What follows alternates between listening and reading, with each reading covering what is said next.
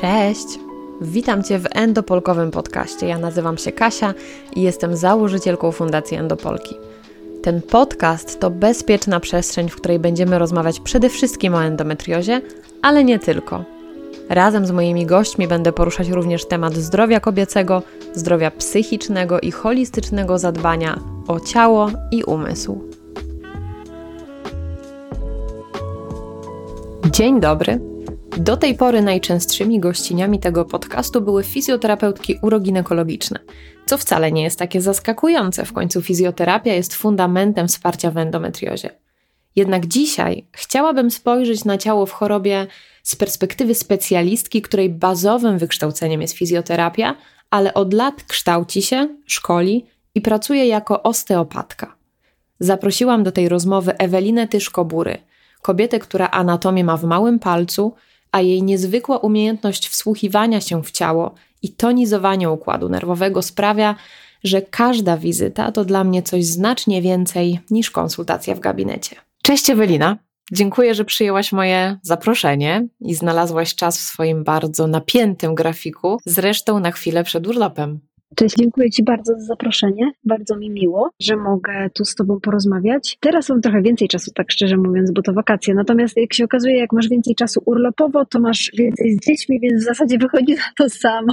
Więc wcale tego czasu tak dużo nie ma. Aczkolwiek to taki przyjemny czas, bo w końcu mogę trochę więcej z dziećmi pobyć. Zdecydowanie. Też się wpasowałam, widzisz, w taką lukę, kiedy nie jesteś aż tak może przemęczona pracą, a masz więcej przestrzeni też w głowie na takie luźniejsze po prostu rozmowy. Tak, tak. Oj, tak, odpoczywam bardzo. Cieszę się. Zaprosiłam Cię do tej rozmowy, bo jesteś osteopatką, która specjalizuje się głównie w osteopatii ginekologicznej i bardzo chciałam porozmawiać z kimś, kto spojrzy na endometriozę również z tej perspektywy. Zanim jednak przejdziemy do samej endometriozy, to jakbyś mogła opowiedzieć nam, czym różni się w ogóle osteopatia od fizjoterapii uroginekologicznej, o której, tak mi się wydaje, że najczęściej słyszymy w kontekście terapii endometriozy. Dla mnie osteopatia jest takim bardzo, bardzo globalnym podejściem do pacjentki. Wiem, co wiedziałam przed, no bo ja jestem fizjoterapeutką. Żeby być osteopatką, to musisz być albo fizjoterapeutką, albo lekarzem, albo położną, żeby pójść na studia osteopatyczne w Polsce.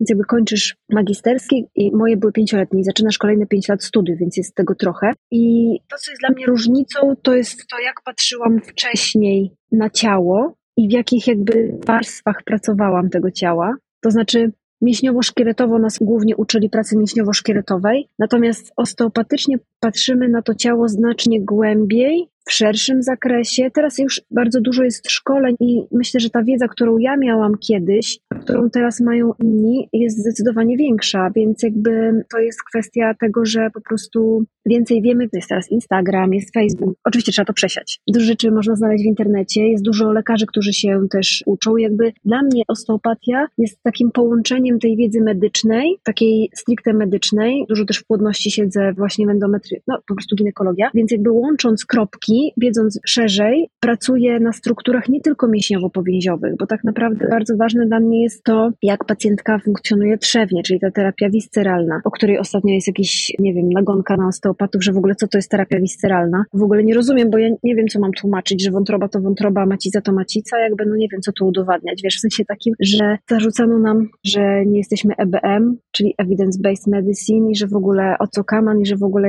jakieś po prostu odloty. Natomiast trochę chcę też tutaj na ten temat powiedzieć, bo jakby dla mnie osteopatia to jest kurczę, podstawą jest anatomia. I nie tylko mięśniowo-szkieletowa. Właśnie to jest to, jakie jest u naczynień, to jest najważniejsze tak naprawdę. Od naczyń zaczyna się embriologia. Tak naprawdę stąd zaczynamy rozwój. Przez to, że mamy ruch płynu krwi, to zaczynają się pojawiać struktury, więc od naczyń trzeba wyjść. Więc to jest dość istotne. Także to jest dla mnie ważne, żeby pomyśleć o naczyniach, żeby pomyśleć o trzewiach, żeby pomyśleć o układzie autonomicznym. No bo tutaj przy endometriozie będąc, układ współczulny przy współczulny jest dość istotny pod kątem stanów zapalnych przykładowych. Czyli no to, na co ja chcę patrzeć, to naprawdę na taką całość pacjentki, na taką po prostu na człowieka. Wiesz, na kobietę, która przychodzi i to nie jest tylko macica i tylko ból w okolicy podbrzusza, tylko jest to kwestia bardzo często bardzo, bardzo złożona i do tego trzeba dokleić jeszcze stan emocjonalny pacjentki i to, co się z nią dzieje, i to, jak ona bierze ten stres, czy go bierze, czy go nie bierze. Więc jakby naprawdę to jest szereg. Ostatnio kocham tą książkę Bessel van der Kolk, Strach ucieleśniony. On naprawdę w tej książce jest pięknie napisane, wytłumaczone, pokazane na badaniach mózgu, gdzie trauma, co, jak wpływa, które ośrodki się wyłączają, które ośrodki się włączają i że my czasami naprawdę nie czujemy ciała. I to się tak dobrze zaplata z tym, co my robimy, bo tak naprawdę pacjentki z takim wiecznym bólem, diagnozowane przez x lat, bo wiemy o tym, że endometriozę diagnozujemy 7-10 lat statystycznie, bo przecież nikt nic nie widzi i pani jest nienormalna, że sobie wymyśla, że ją coś boli, no jakby to wszystko się składa na to, jak ta pacjentka funkcjonuje. A przewlekły ból, nie wiem, czy miałaś rozmowę z Gosią Starzec? Tak, tak. No właśnie, więc na pewno mówiłyście o bólu, więc jakby to naprawdę ma znaczenie jak długo ta pacjentka cierpi, to jak ona to odbiera też, czyli tak naprawdę jak środowisko odbiera ją, bo tak naprawdę jeżeli ktoś ci mówi, że jesteś nienormalna, no to w pewnym momencie zaczynasz wierzyć, że chyba jesteś nienormalna, bo tam przecież nic nie ma, ciebie boli sobie coś wymyślasz. Więc to ma gigantyczne znaczenie. Więc osteopatia dla mnie jest takim naprawdę globalnym, globalnym spojrzeniem na pacjentkę. Łącznie z emocjami, podstawą jest anatomia, zawsze. I jeżeli ja nie znam anatomii, to ja dobrze nie zrobię tej terapii. Bo żeby dobrze zrobić terapię osteopatyczną, to ja muszę wiedzieć, gdzie ja jestem. Wiesz, ja prowadzę szkolenia też dla fizjoterapeutów, osteopatów i zawsze, zawsze mówię, że tak naprawdę technikę to sobie każdy wymyśli, bo to jest jak w modzie. Wszystko już było. Wymyślisz sobie. Natomiast jeżeli nie znasz anatomii, to po prostu tego nie zrobisz. Nie zrobisz. Więc jeżeli nie zbudujesz sobie obrazu anatomicznego w głowie, to niestety to nie pójdzie. Więc musisz wiedzieć, gdzie jesteś. Myśląc w ogóle o endometriozie, nie wyobrażam sobie, żeby na nią patrzeć tak fragmentarycznie i podchodzić właśnie do terapii, tylko tak, że skoro to jest ból w obszarze miednicy, to pracujemy tylko na miednicy. I wymieniłem tutaj bardzo dużo takich ważnych kwestii, od tych związanych z traumą. Ostatnio też z psychoterapeutką Pauliną Danielak rozmawiałam właśnie o tym, jak te ciała są traumatyzowane, jak są medykalizowane, jak później to wpływa też na to, że my się izolujemy, odcinamy się. Właśnie to, co ty powiedziałaś też przed chwilą. To jest jeden aspekt aspekt, aspekt właśnie ten psychiczny i tego, jak jesteśmy odbierane poprzez społeczeństwo. Jeśli nawet lekarz dopuszcza się tego, żeby powiedzieć nam, że pani sobie wymyśla jakieś choroby, to jak my mamy się czuć ze sobą jako ten pacjent? My zaczynamy w to wierzyć, że po prostu naszą podstawową chorobą jest hipochondria. Więc obraz w ogóle kobiety chorującej, tego jak się potrafi kompletnie odciąć od swojego ciała, to też na pewno zauważasz często w gabinecie. Od brzucha w dół nie ma czucia nie ma w ogóle tej części ciała. Kobieta nie chce się z nią jakoś utożsamiać, nie chce się z nią połączyć, więc ta integracja to też pewnie jest jakaś część Twojej pracy, żeby zintegrować ten organizm jako jeden, bo przecież jak możemy odcinać jakiś fragment swojego ciała? Wiesz co, mam taki fajny fragment z Besela właśnie, Wanderkolka. Chciałabym go odnaleźć. Mam to niestety na Kindlu, więc muszę to przeklikać. Natomiast to, co mówisz, jest naprawdę niesamowicie ważne, dlatego że rzeczywiście tak jest, że jeśli pacjentka ma duży problem bólowy przez długi czas i jest bagatelizowany ten problem, ona jest nieusłyszana, po prostu jest nieusłyszana. Jakby to jest taki case, że my mówimy, ale nikt nas nie słucha.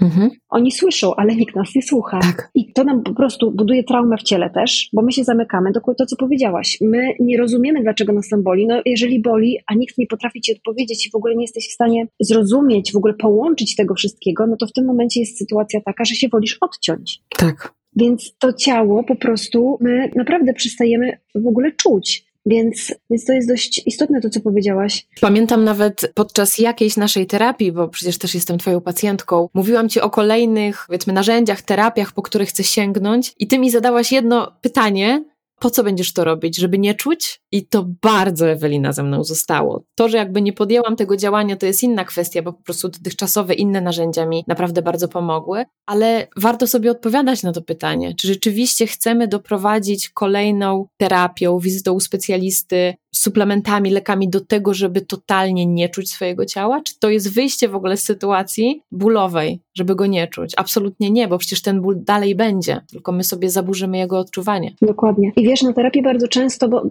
myślę, mam nadzieję, że wrócimy do anatomii, żeby potem znowu nie było, że my sobie tu gadamy o, wiesz, czary Mary i Wiedźma, tak. bo naprawdę ostatnio jest jakiś wysyp, po prostu jest jakiś najazd taki na osteopatów, że ja tego w ogóle kompletnie nie rozumiem, no bo jakby, no nie wiem, co jest bardziej EBM jak anatomia, ale okej, okay. więc to, co jest dość istotne, to jest właśnie to, że potem tak długo trwa zanim, bo wiesz, bo żeby to ciało uleczyć, to ty też musisz ten, w ten proces się zaangażować, ale żebyś ty się zaangażowała w ten proces, bo wyłączamy oddech, bo mamy mały drenaż, bo boli, więc trzymam. bo ja mogę uruchomić narząd, tylko jak ty będziesz funkcjonowała w tym samym schemacie, no to naprawdę nie będzie dobrze. Więc problem jest w tym, że najpierw musimy w tej terapii w ogóle cię przekierować na to ciało, że ty w ogóle, hej, zobacz, tutaj to jest, a że tu trzymasz. I jak to osiągniemy, możemy pójść dalej, a to czasami bardzo długo trwa, dlatego że jest taka dysocjacja, takie odcięcie, że w ogóle to nie moje już, bo mnie tak bardzo boli ja nie chcę, to jest zrozumiałe. Natomiast jakby to prowadzi znowu donikąd. I tu jest taki fajny fragment właśnie ze strachu ucieleśnionego. Poczucie sprawczości i kontroli określane jest poprzez nasze relacje z własnym ciałem i jego rytmami. To jak budzimy się, zasypiamy, jak jemy, siedzimy, chodzimy.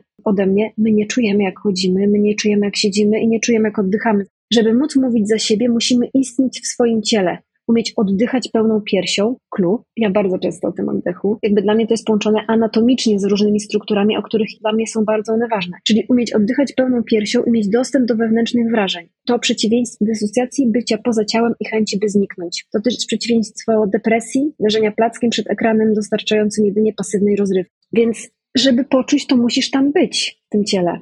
Nie? I to jest właśnie to, że ja bardzo często zadaję takie zadanie do domu, gdzie mieszka Twój oddech w ciele. I dlaczego to robię? No dla mnie to ma trochę głębszy sens, bo jeżeli ja uwolnię strukturę, a Ty będziesz właśnie w tym swoim stresie, w tym samym miejscu, w tym samym funkcjonowaniu i nic nie zmienisz, to za chwilę wrócimy do punktu wyjścia. Dlatego ja też staram się pacjentkom dać różne narzędzia, czyli staram się pokazać im, że a może, nie wiem, tre, a może taniec pięć rytmów, a może no coś, co by jeszcze, jak ja popracuję i uwolnię, to żeby pacjentka miała narzędzie do domu, żeby sobie radzić z tym, żeby to ciało uwalniać, bo wiadomo, będzie stres. To jest tak, że nie, nie, da się żyć bez stresu, nie? Więc jakby to jest właśnie dość istotne, żebyśmy my, okej, okay, my uwalniamy sobie to ciało, robimy różne rzeczy, natomiast pacjentka musi mieć narzędzia, nie? Do tego, żeby później sobie radzić, żeby iść do przodu, że jak jest kryzys, coś się zadziało, było więcej stresu w życiu, mamy więcej napięcia, pojawia się ból, to ona wie, co ma z tym fantem zrobić. Bardzo mi na tym zależy. Bo ja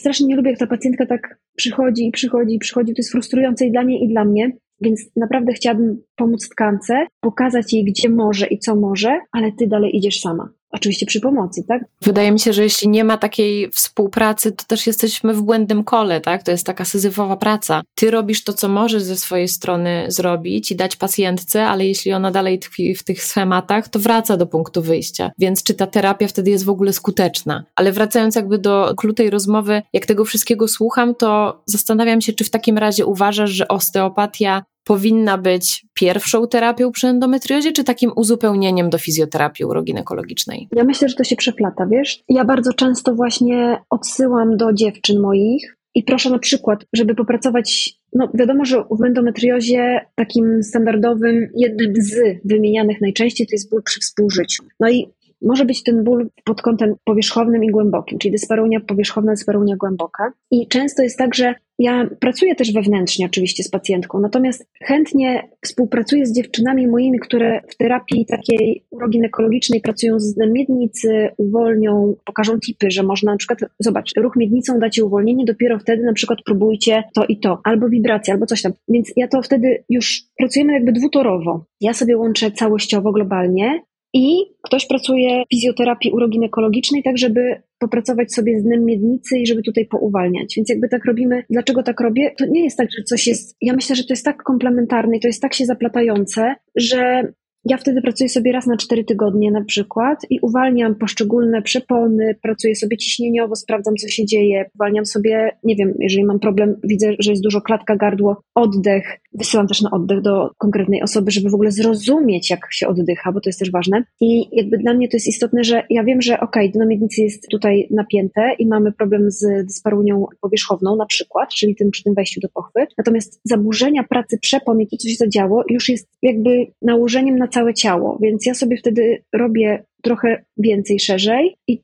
jakby pracujecie jako pacjentki w tym problemie głównym, z którym często przychodzicie, czyli na przykład było przy współżyciu, natomiast dołączamy takie cegiełki i chyba nie da się, wiesz, dlatego ten multidyscyplinarny zespół jest tak niezmiernie istotny. Oprócz tego bardzo często mówię, dobrze, no to w takim razie super, że już pracujemy manualnie, ale ty musisz mieć narzędzie, może tre, może właśnie oddech. Ze mną jest Magda Kizinkiewicz, ona jest logopedką od emisji głosu i jest od oddechu. I ona, ja mam taki feedback, że jak ona wytłumaczy, wiesz, bo mi też każdy robi swoje. Jak ja bym miała to wszystko, to za dużo, pacjentka by nic nie zrozumiała, byłoby tego tak bardzo dużo. Więc jak ktoś idzie do Magdy, to mówi, Boże, ja w ogóle teraz dopiero rozumiem, że ja w ogóle nie oddycham, że to w ogóle wszystko było odwrotnie. Wiesz, że my nie czujemy tego. Uczą nas tak wielu rzeczy, ale nikt nas nie uczy oddychać. Nikt nam nie mówi, że jak jesteś tylko tutaj, to źle. Albo żeby w ogóle poczuć i rozpoznać to, że jesteś, wiesz, po prostu wszystko zaciśnięte i w zasadzie ta przypona prawie w ogóle nie pracuje, no tak naprawdę.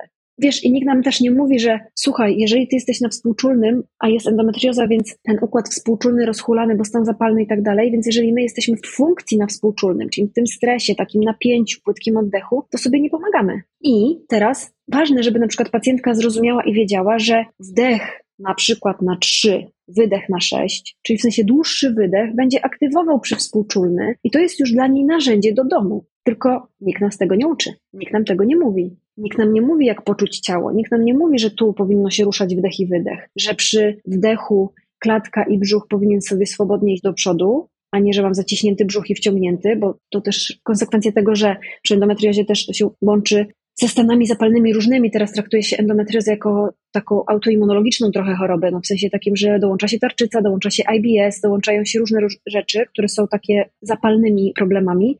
Więc ten brzuch, który najczęściej robi się duży w endometriozie, no bo przez stan zapalny, no to my trzymamy.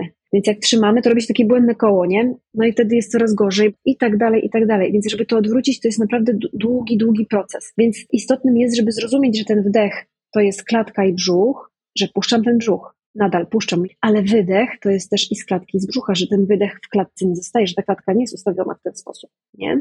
Wdechowo, że to musi zejść do dołu. I to jest istotne nie tylko przy endometriozie, bo ostatnio właśnie odwiedził mnie mój pacjent, taki już znamy się od dawna, więc jak coś się dzieje, to po prostu przyjeżdża, on ma problem z szyją, z odcinkiem szyjnym. Bo dla mnie, jeszcze tak a propos osteopatii ginekologicznej, jak dla mnie jest wszystko jedno, czy ja pracuję z migreną, z odcinkiem szyjnym, z kolanem, czy, bo i tak bardzo często w ginekologii to też trzeba zrozumieć, to jest chyba bardzo ważne, że zanim ja zacznę pracować w ogóle z miednicą, często muszę zrobić górę, uruchomić albo, nie wiem, zrobić błonę międzykostną i ogarnąć stopę, bo to się nie oddzieli, po prostu to jest wszystko razem. I to też trzeba zrozumieć, że to, że ale ja mam tu problem, to nie znaczy, że tu jest tylko problem, bo zrobimy tu i będzie tak samo. I wracając do mojego pacjenta, więc jakby na mnie wszystko jedno, czy ja pracuję właśnie z migreną, czy z odcinkiem szyjnym, to jest mój pacjent, z którym się znamy długo i właśnie on zazwyczaj z odcinkiem szyjnym z problemem i naprawdę trafił z bardzo, bardzo dziwnymi objawami, takimi zawrotami, z jakimiś powidokami, przesuwał rękę, to mu się wszystko rozmazywało, takie bardzo naprawdę nasilone objawy. Okej, okay, ma dyskopatię w odcinku szyjnym, natomiast to wszystko był układ autonomiczny, jego lęk i strach nabudowywany przez COVID, wojna i tak dalej, klatka ustawiona wdechowo, oddechu już w ogóle, jak nacisnęłam na mostek delikatnie, żeby pójść do wydechu, ból w całej klatce rozlewający się. Jakby do tego stopnia już to ciało się tak obudowało. I jakby wiesz, nabudowywało sobie ochronę, to jest z jednej strony super, bo ciało chce nas chronić, z drugiej strony robimy sobie kuku jeszcze większe. I trzeba to zrozumieć. Tak, ten pancerz wcale nas nie broni w pewnym momencie, tylko właśnie robi jeszcze większą krzywdę. Tak. Ale tak jak mówisz właśnie, no we mnie przede wszystkim wybrzmiewa mocno ta kompleksowość. Nie da się wyleczyć endometriozy, w ogóle się nie da, ale nie da się radzić sobie lepiej i poprawiać jakości życia w endometriozie, jeśli nie będziemy korzystać z różnych kompetencji. Dlatego to, jak ty też w ogóle tworzysz swój zespół, jak odsyłasz do różnych specjalistek, które masz u siebie w gabinecie, to uważam, że naprawdę jest wspaniałe. Ostatnio też Ania Łukasik do was dołączyła i cyklicznie przyjeżdża z Krakowa i też o tym oddechu. I to też jest dla mnie niesamowite, bo Prawda jest taka, że z perspektywy pacjentki, ja sama nie lubię takich wizyt, które są przeładowane informacjami. Trochę o oddechu, trochę o brzuchu, trochę o ruchu, trochę o czymś tam. Ja wychodzę i ja nie wiem, co się wydarzyło. Ja nic nie pamiętam z tego. Ty wtedy nic nie wiesz. Tak, a jeśli idę do konkretnej osoby, która zajmuje się powiedzmy oddechem, tak jak Ania, to mamy czas na to, żeby praktycznie rozmawiać głównie o tej przeponie, o tym ruchu, jak ją bardziej jakoś uruchomić, jak otworzyć klatkę piersiową, jakie robić ćwiczenia. To jest niesamowite, że właśnie ja wiem, że to będzie też bardzo takie wymagające finansowo w kontekście endometriozy, no bo mamy jednego specjalistę, drugiego, piątego, ósmego, ale niestety ta choroba jest wielopoziomowa i jest tak bardzo skomplikowana. Tak, natomiast to nie musi być wizyta co tydzień, bo właśnie to trzeba zrozumieć, że endometrioza jest bardzo złożonym problemem. I teraz w ogóle w osteopatii jest tak less is more jest find it, fix it and leave it alone. Czyli ogarniamy i teraz to ciało musi do tego zaadoptować. Dlatego ja nie pracuję co tydzień. To jest dla mnie, oczywiście każdy może pracować inaczej. Dla mnie to jest bez sensu, że jak ja coś zrobię, to niech to zacznie działać, a ty masz narzędzia. I narzędziem na przykład jest to, że mówię, ok, zanim do mnie, to wolę teraz wizytę u Ani, bo ty zrozumiesz, co masz zrobić sama w domu i ruszyć tą przeponę, żebyś znowu się nie zapięła tak, jak było wcześniej. I potem dopiero wchodzę ja z terapią,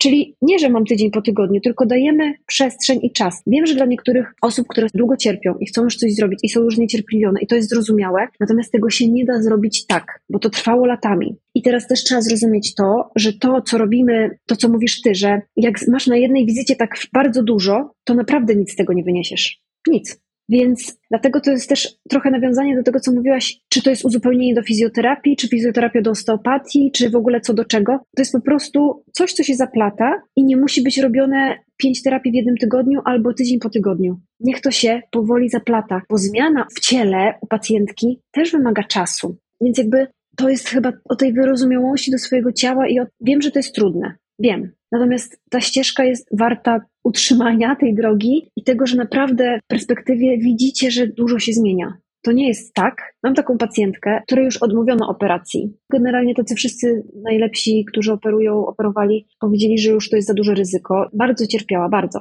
Wspaniała dziewczyna. I tak ciężko się było też do mnie dostać jakoś tak na grupie tam któryś napisała, że właśnie, że bardzo cierpi, że to w ogóle jest tak, że naprawdę, że już była na skraju. I zaczęłyśmy pracować. Ja zobaczyłam tego posta, więc zaprosiłam ją na terapię. Zaczęłyśmy pracować i ona swoją zmianą, swoim życiem w ogóle zmieniła totalnie pracę. Teraz zajmuje się jogą, pracuje oddechowo. Naprawdę, jeżeli porównać komfort życia przed tym, jak ona zmieniła swoje życie, no to jest po prostu nieba ziemia. I okej, okay, ta droga nie trwa tydzień, natomiast jest warta tej ścieżki. I naprawdę można bardzo, bardzo dużo zrobić. I zobacz, osoby, która cierpiała tak, że naprawdę miałam trudne myśli, taki był duży ból, przeszła do momentu, gdzie no, funkcjonuje całkiem nieźle, jest zadowolona i szczęśliwa, bo zmieniła też swoją, oczywiście nie każdy musi zmieniać ścieżkę życiową, to nie o to chodzi. Natomiast ona tego akurat potrzebowała, tak? Więc mamy dwie totalnie różne osoby, jak się teraz na nią patrzy. No to jest taki dla mnie przykład, że naprawdę można. Wspaniała dziewczyna. No właśnie, przede wszystkim chyba musimy sobie zdać sprawę, że my w tym bólu żyłyśmy przez lata i to się wszystko tak nakładało na siebie, takie warstwy, więc dlaczego oczekujemy tego, że podczas miesiąca nagle to wszystko zniknie i się rozbierzemy z tych warstw. To też może być tak samo długi proces, więc tutaj też jest duża taka praca nad sobą poza gabinetem, nad tym zrozumieniem, co się działo przez te lata w ciele i tak jak powiedziałaś, to właśnie to wszystko jest o tej wyrozumiałości do ciała, do tego, że ono tak wiele przeszło, więc dajmy mu teraz czas na to, żeby się leczyło, bo nasze ciało też ma niesamowite zdolności do tego, żeby jednak się trochę uleczyć. I to jest osteopatia. Tak, ale też między słowami wyłapałam bardzo ważne ważną rzecz o tym właśnie, że jeśli przychodzi pacjent na przykład z bólem w miednicy, a ty pracujesz na szczęce. No i ktoś może pomyśleć, co to w ogóle ma być, tak? Ja przychodzę, bo mnie brzuch przecież boli. I to myślę, że ważne, żeby właśnie wybrzmiało, żeby też pacjentki nie czuły się jakieś zdezorientowane, jak przychodzą na wizytę do osteopatki czy osteopaty. Oszukane na przykład. Tak. Bo teraz jest taka nagonka, więc w ogóle wszyscy, że to w ogóle czary mary. Przez to, że patrzysz na całe ciało i na anatomię, nie możesz pracować tylko na brzuchu. I to jest dla mnie też niesamowite jako pacjentki, jak wiele czasami potrafi zmienić jedna wizyta, jedna sesja, gdzie pracujesz na kompletnie innym obszarze i co się później dzieje, tak? W ogóle dla mnie czasami te odczucia podczas terapii też są bardzo różne i zdarzało się wchodzić w jakieś drgania, czyli że ciało coś uwalniało, ale też takie uwolnienie i taki relaks po prostu, że zaczynasz od razu ziewać, że ten ślinotok w buzi, w brzuchu zaczyna coś pracować, nerw błędny się fajnie aktywuje. Naprawdę dla mnie to jest niesamowite i oczywiście mogłybyśmy o tym pewnie rozmawiać kolejne pięć godzin, więc teraz może przez chwilę skupmy się na aspekcie bólowym, bo rozumiem, że tak jak wewnętrznie możemy na przykład pracować w kontekście bolesnego współżycia nad dnem miednicy, tak osteopatia ma trochę inne podejście do bólu i bardzo często właśnie to wyciszenie układu współczulnego i wejście w przyspółczulny też będzie sprawiało, że my ten ból mamy mniejszy. Jakbyś mogła trochę właśnie o tym powiedzieć, jakie jest twoje podejście do bólu w endometriozie? Znowu tak chciałam nawiązać do tego, że patrzymy globalnie i nawiążę do pacjentki, która do mnie przyszła z endometriozą, teraz właśnie była wczoraj, była na trzeciej wizycie. W międzyczasie zaczęłyśmy już pracować Natomiast to, co jej poleciłam, bo mówimy zaraz do błędnego nawiążę, natomiast to, co jest istotne, to kwestia tego, że pierwsze co, to pytanie o to, jak ona je i co ona je, bo to jest też istotne. Ja nie układam diet. Ja zawsze odsyłam do kogoś, kto się tym zajmuje i kto siedzi w endometriozowych dietach. Natomiast już mogę zalecić omega, żeby wyciszyć stan zapalny, bo na tym mi zależy. Żeby obniżyć stan zapalny, też przez pracę na nerwie błędnym, przez to, że pacjentka będzie wchodziła sobie na przywspółczulny, ewentualnie zalecenie stymulatora nerwu błędnego. Jakby to są takie rzeczy, jeszcze tutaj nawiążę. Natomiast już zalecenie suplementacji trakcie cyklu, żeby ta miesiączka była mniej bolesna, już wniosło po tych trzech wizytach, już miałyśmy efekt taki, że jak pacjentka przerzuciła się z dietą plus suple, które zaleciłam pacjentce, bo już tak jakby wstępnie zawsze daje jakieś tam namacalne rzeczy, żeby już zaczęła działać, ale idzie na konsultację do kogoś, kto się stricte tym zajmuje i do uzupełni sobie albo nie wiem, coś wyrzuci, coś włączy, co ewentualnie ktoś tam uważa, już daje nam efekt jakiś. Więc to jest też istotne dla takiego odbioru naszej pacjentki, jeżeli chodzi o mózg i o to, że aha, dobra, to działa, więc idę tą ścieżką. Ja do tego dołączam pracę manualną, tak jak powiedziałaś, w różnych miejscach ciała, no bo wszystko zależy, co mi to ciało pokaże, bo nie ma w osteopatii takim, że trzeba zrobić ten punkt, ten punkt i ten i będzie zrobione, tylko to jest tak, że każdy pacjent, każda pacjentka pokazuje coś innego. No i teraz to, co jest bardzo ważne, to dla mnie jest praca właśnie nad tym, żeby tą pacjentkę w ten układ przywspółczulny jednak wrzucać. I dać jej narzędzie, typu, nie wiem, jak masz stres, to potem tre, albo ten oddech, albo tam, jakby, żeby to, co my zrobimy, żeby ona miała sobie przerzucić na rzeczywistość. No bo funkcjonowanie w układzie współczulnym będzie nam podnosiło stan zapalny. Było takie badanie, musiałabym zagrzebać w szafce, bardzo fajne. Na myszach było badanie, natomiast było pod kątem układu autonomicznego. Myślę, że mam gdzieś je tu wydrukowane, bo ja używam te badanie jak szkole. I badanie badało HRV, czyli rytm zatokowy. On nam mówi o tym, jest, vagal tone. Reduced vagal tone in women with endometriosis and auricular vagus nerve stimulation as a potential therapeutic approach. W ten sposób badanie było robione, że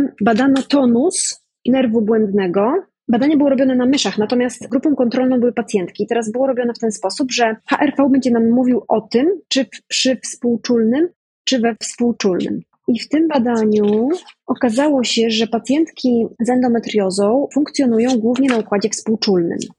Czyli to jest ten układ walka, ucieczka, czyli taki zmuszający nas do gotowości do jakiegoś działania, do uciekania przed zagrożeniem. Dokładnie. I to, co zrobiono, to na myszach, gdzie wszczepiono komórki endometrialne, były dwie grupy z endometriozą i jedna grupa miała stymulację nerwu błędnego robioną, a druga grupa miała przecięty nerw błędny, jakby tę stymulację, która idzie do narządów, odcięto. I okazuje się, że konkluzja jest taka, że stymulacja nerwu błędnego może zahamować ogniska endometriozy bądź je nawet zmniejszyć, natomiast tam, gdzie było przecięcie tego nerwu błędnego i gdzie ten nerw błędny nie działał, była sytuacja taka, że ta endometrioza się bardziej rozsiewała i nie było możliwości, żeby ją zatrzymać. Oczywiście nie byłoby to bez żadnych leków, bez żadnej farmakologii, więc podniesiono taką tezę, że możliwie, że stymulacja, no tak to pytanie pokazuje, nerwu błędnego będzie nam wyciszała stany zapalne i zmniejszała ogniska endometriozy, więc włączenie pracy na nerwie błędnym jest dość istotne. No i teraz pytanie, jak to zrobić? Tak, to właśnie miało być moje pytanie. Jak w takim razie ty stymulujesz nerw błędny u pacjentek, pacjentów? Więc wiesz, można na przykład zrobić bardzo fajnym, ja zazwyczaj zalecam pacjentkom, jeżeli widzę, że ciężko jest im się tak przeskoczyć na przywspółczulny, że ten oddech, medytacja im idzie ciężko, to zalecam stymulację nerwu błędnego takim specjalnym sprzętem. Można zrobić właśnie wcześniej badanie HRV.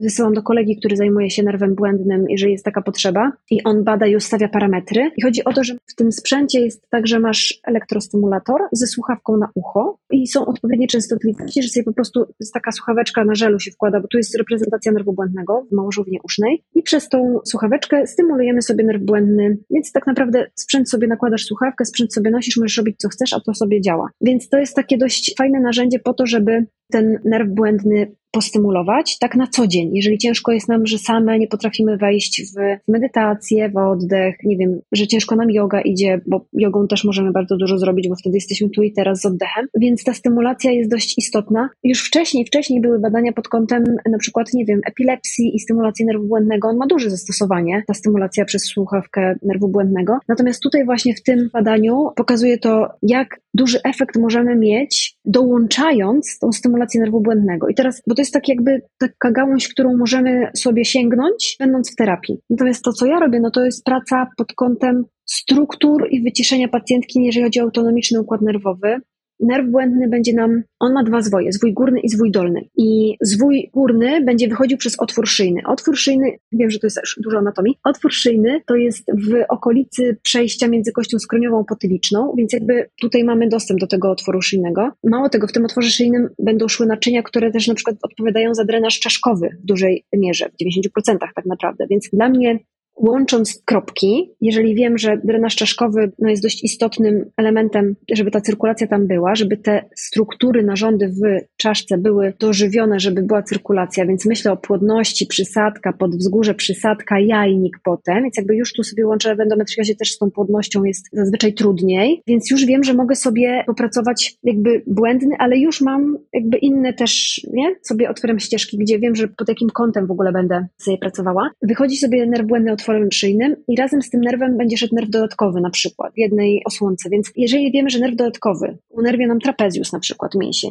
że unerwia nam mięsień mózgowo-boczykowo-sutkowy, no to w tym momencie możemy sobie już pośrednio, jeżeli nie wiemy jak pracować tu, to możemy pracować tu i też pracować na nerwie błędnym pośrednio, to jest wszystko jeden trakt. Potem, jeżeli wiemy, gdzie przechodzi ten nerw błędny, którędy, to jakby cały ten szlak możemy sobie opracować po to, żeby zdjąć napięcie, żeby z struktur okolicy, żeby ten nerw miał swobodny ślizg, żeby ten nerw swobodnie przewodził. Jeżeli chodzi o układ autonomiczny, musimy pamiętać też o tym, że możemy pracować pod kątem splotów, które znajdują się w okolicy jamy brzusznej. Jeżeli chodzi o autonomiczny układ nerwowy, już teraz nie mówiąc o nerwie błędnym, ale tak globalnie, to musimy pamiętać o tym, że mamy bardzo ważne dwa sploty, które są unerwiające miednicę mniejszą. To jest splot podbrzuszny górny i podbrzuszny dolny. I to są sploty autonomiczne, współczulne, przywspółczulne. Podbrzuszny dolny jest głównie mieszanym splotem ale to już wchodzę w taką anatomię dość, więc już może nie będę aż tak w to wchodziła. Natomiast jeżeli wiem skąd idzie unerwienie, to wiem z którym segmentem sobie popracować. Do tego, jeżeli dorzucę normalizację tych przepon oddechowych i wprowadzę ten oddech, że on w ogóle będzie mógł zaistnieć, no to prawidłowy oddech pacjentki, w sensie oddech taki, który będzie nam stymulował przywspółczulny, już daje też narzędzie do domu. Więc jeśli ja uruchomię tą klatkę do wydechu, jeżeli ja uruchomię całą tą powięź, która jest od przepony aż po gardło, która jest dla mnie istotna nie tylko do oddechu, bo znowu wiesz, jakby myślę o kolejnej rzeczy, bo myślę o tarczycy, bo jest takie połączenie, które idzie od przepony, więzadło przeponowo-osierdziowe z osierdziem, osierdziowo-mostkowe, górne, dolne i osierdziowo-kręgowe. I stąd idzie taka powieść, która będzie nam oplatała tarczycę i szła aż do kości gnykowej, tak, przez chrząstkę pierścieniowatą, tarczowatą do kości gnykowej. Więc mamy sytuację taką, że mamy takie połączenie, które idzie od okolicy, w zasadzie patrząc na cały ten ciąg, który wymieniłam, w zasadzie przepony, więc jeśli ja uruchomię całość tą, to wiem, że nie ma mam napięcia na tej całej powięzi, bo ona tak naprawdę otacza tą tarczycę. Więc tu znowu mam ruch płynu. Ten płyn jest dość istotny w osteopatii, bo od płynu się wszystko zaczyna tak naprawdę. Więc ta cyrkulacja jest ważna. Więc myślę o oddechu i daję pacjentce już narzędzie do domu, ale równocześnie uruchamiam sobie coś pod kątem tarczycy, płodności. No wiesz, jakby już sobie tak łączę, żeby to zabudować sobie. Tak, tego nad czym możesz później sobie też pracować, tak? Bo właśnie też chciałam zapytać, czy inaczej pracujesz w momencie, gdy na przykład przygotowujesz pacjentki do operacji albo przed procedurami in vitro? Czy to jest tak, że zawsze podczas terapii myślisz te kilka kroków do przodu, wiedząc jaki też pacjentka ma plan na najbliższe miesiące? Tak, to jest bardzo ważne, bo tak naprawdę, no widzisz, byłyśmy przed chwilą przy oddechu i przy tej przeponie i ja wiem, że jeżeli tutaj mam więcej napięć, to mogę mieć też konsekwencje niżej. To wszystko jest połączone, jakby trzewnie, są tak zwane więzadła visceralne, to jest wszystko razem. jeżeli ja wiem, że mam zaburzenie ruchomości na górze, to mogę się spodziewać tego, że będzie to, to i to na dole. Jeżeli myślę na przykład o płodności, to, co powiedziałaś, no to dla mnie istotnym jest, żeby ten narząd, czyli jajnik, tym momencie był dobrze ukrwiony, czyli ta krew musi tam dopłynąć i musi odpłynąć, nie? żeby to wszystko dobrze funkcjonowało. Jeżeli mamy zastoje, zastoje będą powodowały więcej stanów zapalnych. Zresztą wiadomo, że jak stan zapalny się pojawia, to on się musi wyewakuować, więc to się musi rozprowadzić. Jeżeli nie mamy drenażu, nie mamy tego ruchu płynowego, no to to dłużej trwa. I tam się tak, ten stan zapalny kotłuje się kisi. Więc dla mnie to jest istotne, żeby, jeżeli ta pacjentka szykuje się do, nie wiem, in vitro albo chce zrobić sobie prewencję taką płodnościową i chce zadbać o te komórki jajowe, to ja wiem, że jeżeli ona chce zadbać o komórki jajowe, to ten jajnik musi być dobrze dożywiony. Czyli ja muszę tam tą krew dobrze doprowadzić, ale muszę też odprowadzić, nie? Że jakby, żeby dwie strony to się zapętlało, zasuplało. Do tego daję zawsze prośbę taką, żeby ewentualnie pomyślała o suplementacji. Nie wiem, może jakość ocytów resveratrolem, może omegi, no jakby wszystko zależy z czym pacjentka przyjdzie, więc zawsze proszę, żeby brała to, to, to i to i najczęściej wysyłam do kogoś, kto się zajmuje naturalnie płodnością, po to, żeby dorzucić jeszcze rzeczy, których, nie wiem, ja nie mogę przepisać, albo ja nie mogę, albo ja nie znam, do ginekologa w sensie wysyłam, który się zajmuje płodnością taką naturalną, żeby tak dokleić puzzle, nie, do tego. I teraz to, co jest istotne dla mnie, u takiej pacjentki, która na przykład chce wchodzić w in vitro, albo właśnie robi taką prewencję płodnościową, to jeżeli ja rozumiem anatomię, i znowu wracam do anatomii, to wiem, że ten jajnik to jest jedno, natomiast gdzie ta krew odpływa, jak przypływa jest ważne. I na przykład tutaj często to są są wykłady dla, już teraz więcej się o tym mówi, bo już jak o tym od 10 lat kiedyś to, to taka wiedza była wow, teraz dużo osób o tym mówi, zwłaszcza flebologów, że na przykład jeżeli chodzi o jajnik z lewej strony, to musimy pomyśleć o jelitach bardzo często, nie? Dlaczego? No dlatego, że powrót żylny z jajnika lewego jest inny niż z prawego. Z prawego idzie do żyły głównej dolnej, a z lewego będzie szedł sobie do żyły nerkowej. I wszystko spoko, dopóki ta żyła nerkowa dobrze odprowadza tą krew. A jest taka sytuacja, która się nazywa dziadek do orzechów, zespół dziadka do orzechów, i mamy żyłę nerkową, którą sobie wyobrazicie takie naczynie w poprzek idące, to nad nim, jak sobie przewiesicie, jak weźmiecie palec w poprzek i nad nim położycie palec tak w kształcie plusika jakby na górze palec, to to jest tętnica kreskowa górna. I tętnica kreskowa górna unaczynia nam jelito cienkie. Wszystkie ptozy i napięcia w jelicie cienkim mogą pociągać kreskową górną, która nam zamyka odpływ z nerkowej, przez co nam zamyka odpływ z jajnika lewego. I mamy problem dużego zastoju, globalny problem w miednicy mniejszej, przy maciczu, w jajniku lewym, z powrotem żylnym do żyły nerkowej, więc tak naprawdę tutaj musimy pomyśleć, dobra, co z tym jelitem cienkim teraz? I co z tego, że ja popracuję z tym jajnikiem i go uwolnię? Jakby nic to mi nie wniesie w tym momencie. Ja muszę pomyśleć bardziej, szerzej. Ja muszę zobaczyć, jak ja mam to ogarnąć anatomicznie, hydraulicznie, więc jakby, dobra, co z tym jelitem cienkim? Czy to jest tak, że ono jest w ptozie, bo, nie wiem, pacjentka rodziła na przykład, są takie pacjentki, które rodzą, mają ten brzuch bardzo duży cały czas, mają problemy już jelitowe też i to ciśnienie jest bardzo duże, więc pociąga nam to wszystko. Czy jest, nie wiem, właśnie IBS, czy nie wiem, SIBO, które będzie powodował, że te wzdęcia są duże i jakby wszystko jest pociągane, na tej kresce sobie wisi. Czy mam problem z zaburzeniem ciśnienia między jamą brzuszną, klatką piersiową i to muszę znormalizować, żeby w ogóle zacząć pracować w tej miednicy mniejszej. No bo jak ja zacznę pracować z tym jajnikiem, no to coś tam pewnie się zadzieje, natomiast jakby cały czas będę miała tą samą sytuację, bo nie popatrzyłam szerzej. Więc to taki przykład anatomiczny, bo chcę na anatomii, bo żeby nie było, że właśnie, że ja tutaj latam na miotle. Tak, tak wspomniałaś a propos, jeszcze nawiążę, że z tą psycholożką rozmawiałaś, jak dużo traumy wcześniej mogą wpływać i że są badania. I wiesz, takie mam, a propos właśnie tych wcześniejszych, że teraz ostatnio mamy taki jakiś straszny fix na to, że musi być wszystko tak EBM, że zaraz będziemy udowadniać, że wiesz, picie wody jest lepsze niż picie coli, nie? I to trzeba będzie udowodnić EBM. Jakby badania są super i ja się podpieram badaniami i szperam. Miejmy też taką rozwagę w tym, nie, że ja się odnoszę do tej osteopatii, do tego, że no naprawdę, jeżeli się bazuje na anatomii, no to co można wymyślić, no? W sensie, no to nie jest latanie na miotle. Więc jak widzicie, to jest tak, że bardzo często trzeba zacząć zupełnie gdzie indziej, albo nawet nie, że zacząć, tylko po prostu włączyć inne elementy ciała, które wymagają wsparcia, żeby tej pacjentce pomóc, po prostu. Myślę, że to też jest fajne w ogóle podsumowanie tej naszej rozmowy. I nie wiem, czy pamiętasz, jak przesyłałam ci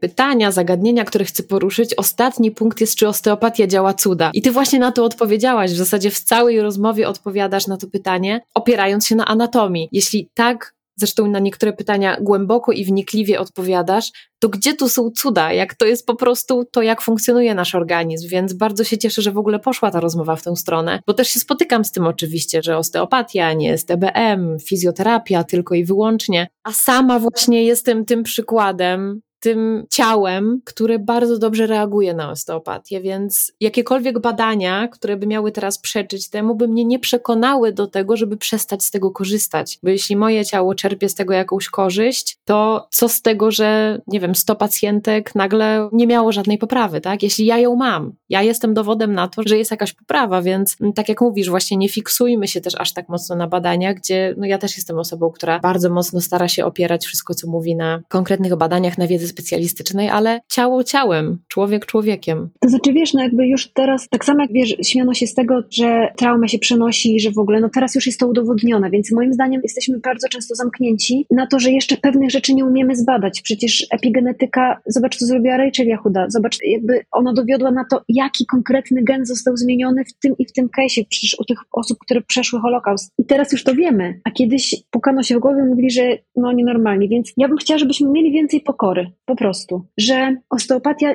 bazuje na anatomii, bazuje na fizjologii, na zrozumieniu procesów, na tym, że jeżeli zrobimy tu, to się zadzieje to i to. To wynika z podstawowej wiedzy anatomiczno-fizjologicznej, więc... Naczynia połączone, prawda? Tak, więc jakby nie wiem, co tu miałoby być cudem. To znaczy, wiesz, oczywiście są takie sytuacje, że na przykład, nie wiem, pacjentka wchodzi w uwolnienie somatoemocjonalne, czyli zaczynają się uwalniać emocje, nagle coś się przypomina, ale o tym pisze Van der Kolk. Jakby to już jest, no co tu robić więcej? On robił obrazowanie mózgu i pokazywał. Więc no tak, może być. I jeżeli wchodzi pacjentka w uwolnienie somatoemocjonalne, coś się dzieje, coś się odpala, super jakby była w terapii wtedy, bo ja zawsze pytam, czy pacjentka jest w terapii, żeby mogła się zaopiekować tym, co się pojawia, bo jeżeli nie jest, to ja wolę tak pokierować tą terapią, żeby jednak się tak nie działo, bo może sobie nie poradzić. No ale to tak właśnie wygląda, nie? Więc jakby, no ja kocham osteopatię. Nie wróciłabym tam, gdzie byłam kiedyś. Ja też przyznaję, że kocham przychodzić do ciebie na terapię. Też właśnie odnośnie do pokory chciałam powiedzieć o pokorze do ciała, do tego, co ono przeżywa, przeżywało, w jakim procesie jest. I ta czułość i ta wyrozumiałość jest naprawdę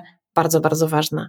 Ewelina, bardzo Ci dziękuję. Bardzo mi było miło porozmawiać i z chęcią bym spędziła kolejną godzinę jeszcze tutaj. I mam nadzieję, że w takim razie znajdziemy sobie jeszcze jakiś temat, który poruszymy szerzej, bo osteopatia jest szeroką też dziedziną, myślę, że można tak to nazwać i naprawdę wiele cennych informacji jeszcze możemy przekazać, ale starałyśmy się tak pigułkowo też powiedzieć to, co jest powiedzmy najważniejsze na start. A ja przy okazji też przypomnę o tym, że kiedyś z Eweliną robiłam live'a na Instagramie o tym kontekście płodnościowym, więc bardzo Was też odsyłamy z przyjemnością do tej rozmowy, bo tam był szerzej właśnie poruszony aspekt płodności. Też pamiętam, że poruszasz tematy tej suplementacji i w ogóle jak osteopatia, praca osteopatyczna może wpłynąć na płodność. Bardzo, bardzo dziękuję.